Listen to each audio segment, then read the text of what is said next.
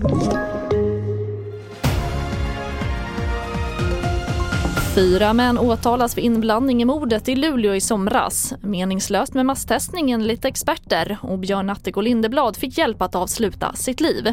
Ja, här är TV4-nyheten och vi börjar med att fyra män åtalas idag för olika grader av inblandning i mordet på en 25-årig kvinna som sköts till döds med flera skott vid en badplats i Luleå i somras. En 20-årig man med kopplingar till kriminella nätverk i Stockholm åtalas för mord och tre andra män för medhjälp till mord.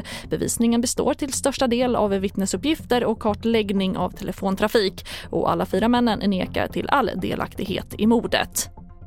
Och spridningen av omikronvarianten är hög och testningsköerna är långa. Att den breda PCR-masstestningen just nu är meningslös när svaren dröjer upp till en vecka, det menar en del experter. Bland annat Johan Styrud, ordförande vid Stockholms läkarförening som säger till SR att man istället borde rikta testningen där den fyller en viktig funktion, som inom sjukvården och äldreomsorgen.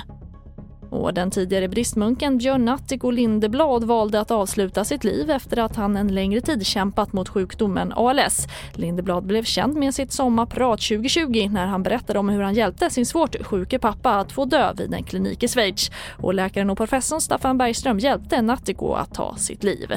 Andemeningen i lagen är ju ändå att eh, dödshjälp inte är tillåtet. Ja, just det.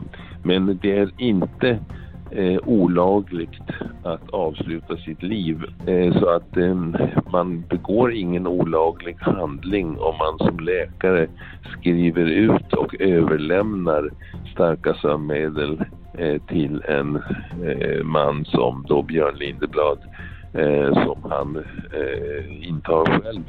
Men man får inte så aktivt som läkare injicera eller eh, delta i själva akten att svälja. Det är väldigt viktigt. Och en längre intervju med läkare och professor Staffan Bergström kan du se på tv4.se där du också kan hitta fler nyheter. I studion idag Charlotte Hemgren.